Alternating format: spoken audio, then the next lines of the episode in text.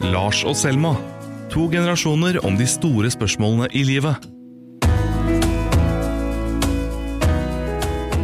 Du, Lars, i dag skal vi snakke om frykt. Så tenkte jeg å spørre deg, er du mye redd for ting? Nei, jeg er ikke det. Det er jo indre kamp, det òg. Å ikke la all frykten nå inn, liksom, sånn at det blir en del av det. Man er jo urolig for barn, og man er urolig for foreldra sine, og man er urolig ikke minst for verden om dagen, med, med særlig klimaspørsmålet. Hvis du liksom leser øh, og setter deg inn i det, så er det grunnlag for å bli pissredd, egentlig. For det går lukt åt helvete hvis vi ikke finner på noe kjapt som, øh, som rase på kloden. Men, øh, men sånn i det, i det hverdagslige så er jeg ikke mye redd. Jeg går ikke rundt og er redd for ting. Nei. Når det er mørkt og du sitter hjemme alene, så hører du en litt sånn knirkelyd i leiligheten. Du, det er bra du sa.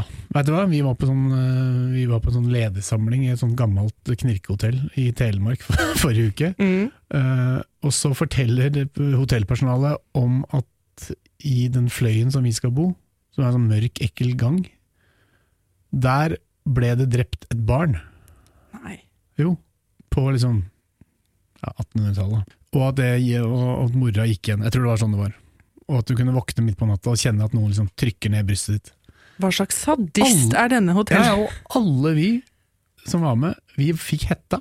For på, i de rommene og ned den gangen så var det sånne gamle, litt skumle bilder av damer. Ikke sant? Sånn som damer så ut som på 18 1880-tallet. Sånne viktorianske, uh, sjelløse ansikter i svart-hvitt.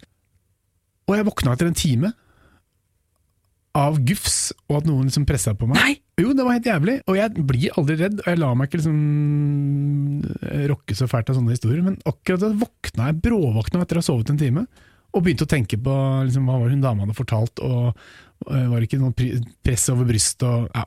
Nei, Så alle, så vi våkna da vi møttes dagen etterpå, så hadde alle hatt mer eller mindre hetta, og folk hadde hørt liksom, lyden av en, en, en barnevogn i gangen. Sånn. Nei! jo, jo, ingen hadde sovet!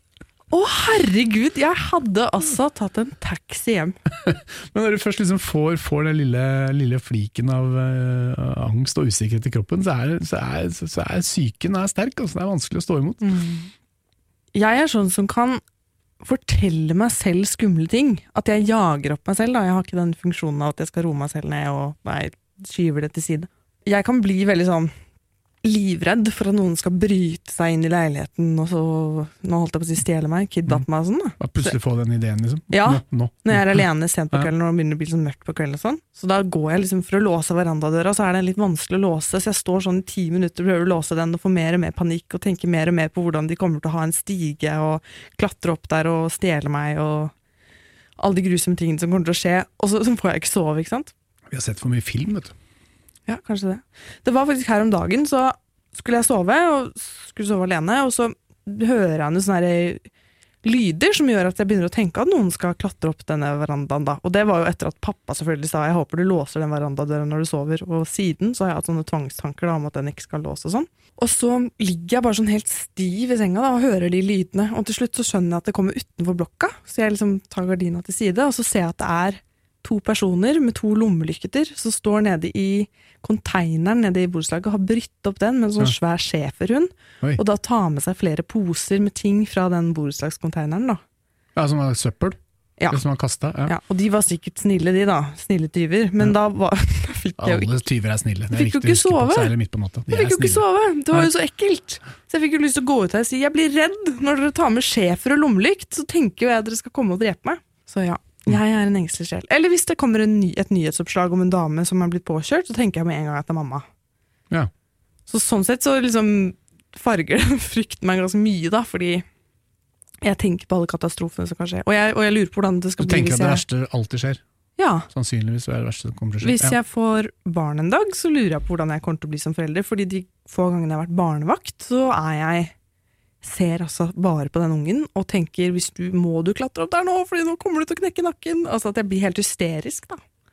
Men det Hvordan- avtar. Det avtar med det andre barnet, og så avtar det enda med det tredje, og så det fjerde barnet tror jeg du ikke bryr deg om hvor det er.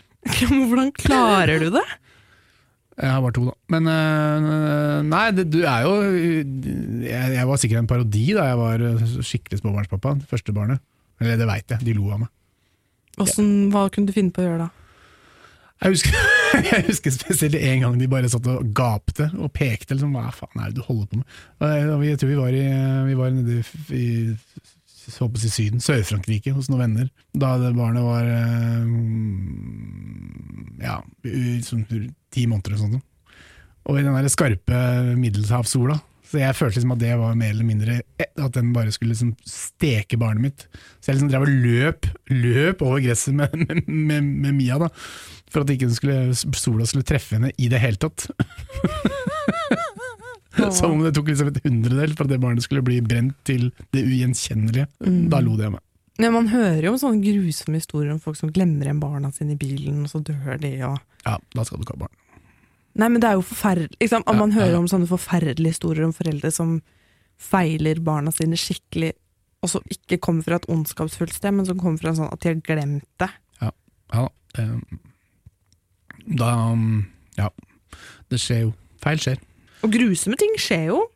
Ja, grusomme ting skjer jo, men det er jo ikke så bra å gå rundt og tenke at det verste kommer til å skje. Du må tenke at øh, det, går, det vil helst gå godt, sa Max Manus, som er en gammel krigshelt. Han skrev en bok som heter Det vil helst gå godt. Det pleier jeg å sitere. Det vil helst gå godt. Det må være, det må være utgangspunktet. Men jeg lurer litt på, for da virker det som at du på en måte kan, kan skjønne at du kan bli redd, men så på en måte klarer du Du er mest redd for klimaendringer og at Donald Trump skal finne på noe. Jeg er redd Eller, for de store tinga. Ja. Ja. Men jeg er veldig sikker på hvilket bilde de vil bruke av meg i avisen hvis jeg blir kidnappet. Det er sånn min frykt fungerer. Å nei, de tok det bildet! Jeg har tenkt mye på det. Ja. Mm. Så er det jo liksom sånn angst og usikkerhet og liksom, sånn som man ikke kontrollerer, som ikke man kan kjempe mot, egentlig, sånn rasjonelt. For Mm. nesten sånn, der, sånn hverdagsfrykt som at barnet ditt skal bli overkjørt, det er rasjonalt, liksom, da prøver rasjonaliteten å vinne. Og så er det noen sånne klumper i magen som folk har. Angst. Uh, Mm. Jeg har ja, en veldig stilig diagnose som heter generell angst, og den fikk jeg da jeg gikk på barneskolen. generell angst. Det heter generell angst. Det Ja. betyr ikke at angsten din er generell nødvendigvis, man kan google det. Jeg kan egentlig ikke sånn altfor mye om det, men det gjør at du er mye engstelig, eller det karakteriserer at du er veldig mye engstelig og redd. Så da jeg var liten, så hadde jeg sånne angstanfall, som jeg ikke skjønte at var angstanfall, da, fordi jeg var så liten. Så det var veldig vondt. Men da kunne jeg få sånne, at jeg kunne klikke, liksom. Så det hender at jeg får sånne utbrudd, og det kan bli utløst av helt sånn hverdagslige ting, som eksempel at jeg skal ut døra, har litt dårlig tid og ikke finner noe å ha på meg, så kan jeg plutselig bestemme meg for ikke gå ut døra likevel. Eller så Ja, ikke nå, håper jeg. Jeg har det fortsatt sånn. Ja. Og jeg kommer mest sannsynlig til å ha det sånn hele livet. Så det var eh, nå i sommer, sist jeg hadde et angstanfall, var i sommer. Da skulle jeg synge på bursdagen til faren min. Um, og det har jeg gjort mange ganger før, sunget foran folk. Jeg vet ikke hva som skjedde, men jeg bare fikk helt panikk og bare løp fra scenen og løp inn i skogen. Og kjæresten min var der og skjønte jo ingenting. Og jeg, ble jo veldig, jeg blir jo veldig flau når det skjer. Og ja, dette er kanskje litt tabu å snakke om, men en av de tingene som skjer når jeg får et sånt anfall, er at jeg klorer meg selv på hendene. For jeg, ja, Det har jeg gjort siden jeg var liten. For det er en sånn, Jeg prøver jo å ha gjort det mye mindre, men det er en slags coping-mekanisme for meg. da. Men det gjør jo at jeg på en måte jeg mister fullstendig kontrollen over meg sjøl, for jeg ville ikke gjort det hvis jeg var liksom Men er det sånn selvskading light? Jeg mener ikke å skade meg selv, Nei. jeg bare skal ta tilbake kontrollen på en eller annen måte. Mm. Um, og det er jo ikke sånn at jeg får masse merker, eller at det skader meg selv veldig. Men det er bare en slags som jeg har gjort siden jeg var veldig liten. Du mister kontroll, du veit ikke hva du gjør, eller hva du sier, eller hva du når jeg løper inn i den skogen. Og jeg, jeg har liksom ikke kontroll over kroppen min. eller hva som skjer med meg. Og det er jo veldig ekkelt, da. Og veldig mange som har sånn panikkangst, sliter jo med det fordi at når du først har hatt det, la oss si at du får det på T-banen, så blir det vanskeligere å ta T-banen. Fordi Mm. at du er så redd For- at det skal komme. Mm. Og en av de tinga som gjorde det litt lettere for meg, var, noen, var når noen forklarte meg hva angst var. Det er jo, Hvis noen kommer løpende mot deg med en kniv, så vil jo kroppen din instinktivt reagere på det. ikke sant? Og, og du, fryktsignalene vil slå inn i hjernen, og du vil bli redd og løpe. Og angst er når de fryktsignalene kommer i kroppen din, men det er ingenting å være redd for. Det er Mm. ingenting som har skjedd som utløser det, det bare slår ned som lyn. da. Jeg hadde en sånn opplevelse for et par helger siden. Jeg hadde vært på hyttetur med noen gode venner. Hatt det kjempefint. Og så skulle de dra, og så skulle jeg bli igjen på hytta. Og så, skulle fattern komme dagen etterpå igjen, så jeg skulle være aleine der. Eh, Og jeg gleda meg, og de skulle dra, og jeg skulle kunne slappe av og lese og kose meg. Og så forsvant de, og så tror jeg, jeg tror kanskje det var mer at jeg hadde liksom drukket et par kvelder på rad og sovet litt dårlig. og sånn. Men da fikk jeg nesten, fikk jeg nesten sånn panikk, og det har jeg aldri fått før. Nesten litt sånn panikkfølelse av å være aleine, og at, at man falt. Veldig rart. Skikkelig uro. ordentlig guffent. Mm. Um, jeg tror det er at det er det vi kalte fylleangst i gamle der. Um, det er nok mest, mest det. Men det, det, var, det var litt sånn ny opplevelse for meg. Men det kan jo også være angst, fordi jeg har jo eh, begynt å Nå skal vi ikke liksom overdiagnostisere alt, det er helt normalt med angst.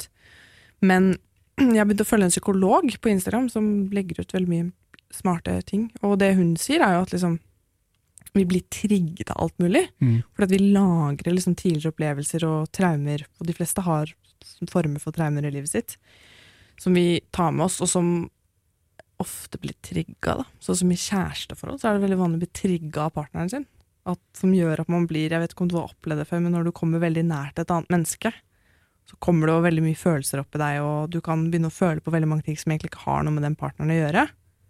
Eller hvis noen slår opp med deg, så er det ikke bare det ene avslaget, men det er alle minnene du har lagra om avslaget og bli forlatt i livet tidligere, Mm. som også er en del av den kjærlighetssorgen. da. Så vi er jo egentlig mye mer sånn kompliserte følelsesmessig enn det vi kanskje tror sjøl. Så kanskje den reaksjonen du hadde, kan gå litt dypere enn at du bare hadde drukket litt dagen før. Ja, jeg har prøvd å tenke på at um, Nei, jeg tror egentlig ikke det var stakk så innmari dypt. Men liksom det å være plutselig nesten å være forlatt, selv om Mm. jeg ønska det, å være aleine. Veldig rart. Jeg måtte liksom ta meg en sykkeltur og liksom puste ordentlig inn. Og puste med magen tungt og godt. Og, ja. Hjalp det? ja, men det tok lang tid. Men jeg sovna, og så våkna jeg etterpå, så var jeg borte. Men um, merkelig. Mm. Det er jo veldig interessant hva vi gjør for å roe oss selv ned i sånne situasjoner. Alle har jo en form for liksom ting de gjør for å deale med ting. Som når, jeg tror jeg har fortalt dette før i denne podkasten, her, men når jeg bodde i kollektiv og ikke hadde det så bra, så tok jeg veldig mange bad.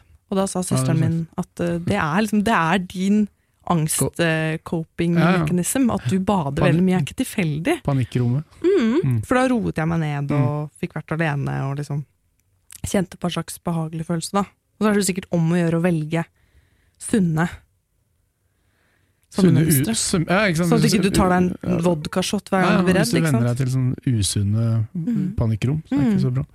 Men da var jeg aleine på den hytta, da, og det elsker jeg jo egentlig. Men jeg tror litt det handla om at jeg hadde ikke noe bil, så jeg måtte være der. Jeg var liksom tvunget til å være der. Jeg Mhm. var liksom for, litt forlatt og også isolert. Men kan det ha minnet deg om en andre, andre situasjoner hvor du har ikke har kunnet komme deg vekk og sånn? da? Nei, jeg vet ikke. Kanskje. Nei, jeg tror egentlig ikke det. Jeg tror egentlig ikke det.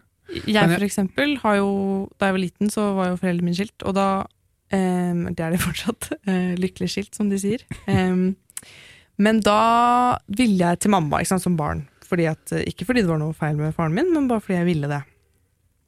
Sånn er det jo noen ganger når du er liten. Og det gjør til den dag i dag at jeg kan synes at er, når jeg har vært lenge hos pappa, så er det en eller annen følelse som kommer opp meg, og det tror jeg liksom er liksom Selma tre år da, som vil til mamma. Så hun psykologen som jeg følger på Instagram, snakker mye om at vi må, vi må ta vare på det indre barnet vårt da, og spørre det indre barnet vårt hva det trenger. Og sånn. Dette blir sikkert veldig vipsi-vapsi for deg, men, um, Men, men på den samme hytta. Mm. En annen gang, jeg, jeg ble ikke så redd, men jeg ble, jo, jeg ble, jeg ble nesten redd etterpå. Jeg husker mange år siden da vi akkurat hadde kjøpt den hytta, så, og dette er liksom ute på landet, og så lå jeg ja, i stummørket, og så hørte jeg bare en sånn lyd. Hva faen er det her for noe? Og så satte jeg på lyset, og så var det en flaggermus inne på det lille soverommet. Oi. Som hadde kommet seg inn i vinduet, selvfølgelig. Og så, så jeg måtte liksom ut i gangen, og den pila rundt huet mitt i 200 km i en veldig, veldig trang trappeoppgang, eller øverst en trapp. mm. Så jeg, til slutt fikk jeg åpna opp en vindu, og den forsvant ut. Da. Og så går man selvfølgelig på internett og ser hvordan en flaggermus egentlig ser ut, og det er jo skikkelig skremmende. Den er jo, de, de, de de, er jo små vampyrer, ekle. liksom. Ja, ja. Så, og, og så var det en som fortalte meg at de som ofte har flaggermus har rabies, så ble jeg redd ti år etterpå, så ble jeg redd på nytt. Ja, Men det var det var før korona. Det var før korona. Men jeg husker fortsatt den lyden. Ja, ja, ja, guri. Hva er det for noe? Har du vært i livsfare noen gang? Ja, det har vel vært noen trafikkting som har vært guffent. Uh, og så var det en gang i byen hvor jeg skulle bli tatt livet av en, uh, av en kar som løp etter meg. Neimen, Det var kjipt. Og det, den sitter litt i, i uh, hypofysen. Hvorfor i all verden skulle han ta livet av deg? Fordi jeg kikka på den. Rett utafor døra hjemme. Du kikka på han? Nei, Jeg bare så på og kikka bort, for det hang en gjeng sånn, på hjørnet der vi bor. Han var rusa eller noe sånt? Eh, ja, han var nok ikke, ikke Han nok ikke bare spist frukt og grønnsaker den dagen, men uh, ett blikk for mye, og så skulle han ta livet av meg. Så jeg fikk akkurat plukka opp nøkkelen, låste opp porten, smelt igjen porten, og da sto han og hamra i porten og skulle drepe meg. Og Oi. det er noen sånne byepisoder med, med rusa folk og psykiatri og, Ja. og sånn. På trikken en gang skulle jeg drepes, og kona mi skulle drepes og voldtas og sånn. sånn. Herregud. Så det er noen sånne Og blir du redd da? Nei, du, man blir vel mer Jo, etterpå, men man blir vel mer sånn i forsvarsmodus, da. Folk er jo veldig forskjellige på hvordan de reagerer i sånne Mm. situasjoner, da, i sånne ekstreme situasjoner. Det var en gang eh, jeg var liten, så var jeg med vennene mine, og så skulle vi løpe. Jeg husker ikke helt hvorfor, men vi skremte hverandre på at alle skulle begynne å løpe, og da husker jeg veldig godt at jeg ikke klarte å bevege meg. Mm. Fordi jeg ble så redd at jeg bare frøys til. Ja, men Det er en vanlig reaksjon. Det er en av liksom de der eh, Så jeg tror ikke du skal ta med meg hvis det blir krig, for jeg, jeg tror hvis, i de få gangene jeg har opplevd sånne krisesituasjoner, så har jeg dessverre blitt veldig lamma av frykt da, og fått helt panikk og ikke klart å liksom handle. Jeg har også husket en gang det var en liten gutt som hadde falt ned fra en fjellhylle, hvor vi var i nærheten. Og da bare fikk jeg helt sånn, jeg løp bort, liksom, for jeg ble så redd. Mens de andre hjalp han da, selvfølgelig. Jeg regner vel med at hvis jeg hadde vært der alene med han, så hadde jeg klart å hjelpe han. Men ja, det, er, liksom, det er jo tre instinkter. Det er fight eller flight. Mm, mm, Løpe er eller slåss. Ja, det er legge seg ned. freeze. Freeze. Mm. Dø. Bare lat som ingenting. Mens du er en som handler. Nei, det veit jeg ikke. Vet ikke. Men øh, nei, jeg stoppa ikke opp. Jeg, nei, jeg kjørte jo flight da Men den har- gangen han skulle ta meg utafor porten. Du har ikke hatt noen sånn døden nær-opplevelse? Tror ikke det. Nei, jeg tror egentlig ikke det. Jeg har egentlig vært uh, forskåna fra noen sånne voldsomme nestenulykker Mm. i trafikken, som Mm. ofte folk opplever. da. Og så er det guffent å være i fly og sånn. Jeg, kan jo, jeg er veldig fascinert av fly, egentlig livredd for det. Eh, eller mest fascinert, men liksom Da kan man få sånne øyeblikk av hetta, når du, er- når du skjønner at du sitter i en blikkboks eh, 10 000 meter opp i været, og, og ting faller og sånn. Og dårlig vær og Mm. turbulens, og turbulens som ikke gir seg. Og, det er jo jævlig. Det er jo helt pyton. Jeg har en mor som er veldig redd for det meste. Eh, og eh, vi har jo nok snakka om det òg, at vi, vi lærer jo på en måte også av foreldrene våre hva vi er redd for. Fordi mamma var veldig redd for lyn, så hver gang jeg var i badekaret, så kom hun løpende og liksom dro meg opp av badekaret. da. Som har gjort at jeg er livredd for lyn. Fordi jeg har blitt fortalt fra en liten alder at det er livsfarlig. Så det sitter ja. liksom inni meg, da. Og hun tør ikke å se på liksom, Du vet sånn krim som er sånn koselig, hvor man bare forgifter hverandre med litt sånn arsenikk og sånn. Ja. Hun er sånn som å reise seg fra sofaen, gå ut i gangen og si 'hva skjer nå', hva skjer nå? For hun blir så redd da. Av liksom Poirot og Miss Marple. Hun kan ikke, Midsummer Murder. hun kan ikke se noe som er over aldersgrensen sju år, liksom, uten å pakke seg inn i et pledd og bli veldig redd. da. Men du, jeg lurte på en ting. Jeg håper det er greit at jeg spør om dette. Men 22. juli, da jobba jo du i Altså, kontoret til Dagsavisen er jo ikke så langt fra der bomba i regjeringskvartalet gikk av. Kan du fortelle litt om hvordan det var, liksom, hvordan det var den dagen? For jeg hadde tenkt litt på sånn når man jobba så nært det, og som journalist i tillegg. Hvordan, hvordan takla du Nei, jeg var ikke situasjonen? i vårt bygg når det smalt, men det, alle vinduene som ble, ble slått inn hos oss, og folk, liksom, det blod og panikk og men folk tror jeg, Så vidt jeg vet, så gikk liksom folk veldig sånn ordentlig ut. Åpenbart i sjokk, da, men folk gikk veldig sånn ryddig og ordentlig ut. Eh, Ut av bygget? Ut av bygget. Um, men inni bygget så hadde liksom en trykkbølge sånn slått ut alle vinduene inne i trappeoppgangen. Så det var ganske dramatisk. Men jeg, men jeg hadde akkurat gått fra jobb, og jeg var liksom i en bil borte i Frognerkilen og snudde og dro tilbake. Da. Men jeg husker det som veldig sånn um, Ja, det var jo sjokk og jævlig for alle, men veldig sånn konsentrert jobbing om å få ut en avis.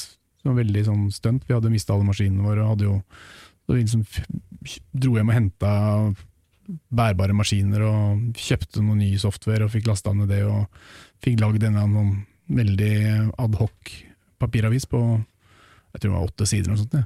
Men du klarte å konsentrere deg om det du skulle? Ja, nå visste man jo ikke liksom, Først var det jo bare bomba man visste om, lenge, ikke sant. Eh, det som skjedde på Utøya var jo litt senere på kvelden at det ble klart hva som skjedde der. Så det hadde nok, hadde dette skjedd samtidig, så hadde ting vært litt annerledes. Men Mm. først var det bare denne bomba. Eh, og først trodde man at det var en gasseksplosjon, det var første teori. Og så var det terror. Det var jo TC2. Eh, det var det for så vidt, men ikke den terroren vi jo alle tenkte at det var. Mm. Nei, men Jeg husker det som veldig sånn, eh, sånn, sånn journalistisk faglig. Den var veldig sånn klarsynt og til stede i det øyeblikket. Mm. Men også litt redd for hva er dette for noe? Er vi i krig? Det husker jeg den følelsen. Eh, for vi hadde jo ingenting å henge det på, liksom. Vi, så vi var nok alle litt i sjokk, ja. Mm. Men jeg husker den der, hva, hva i all verden er dette for noe? Og så begynte de å skyte på Utøya, og da var det sånn Hæ? Hva? Hvordan trenger rett sammen?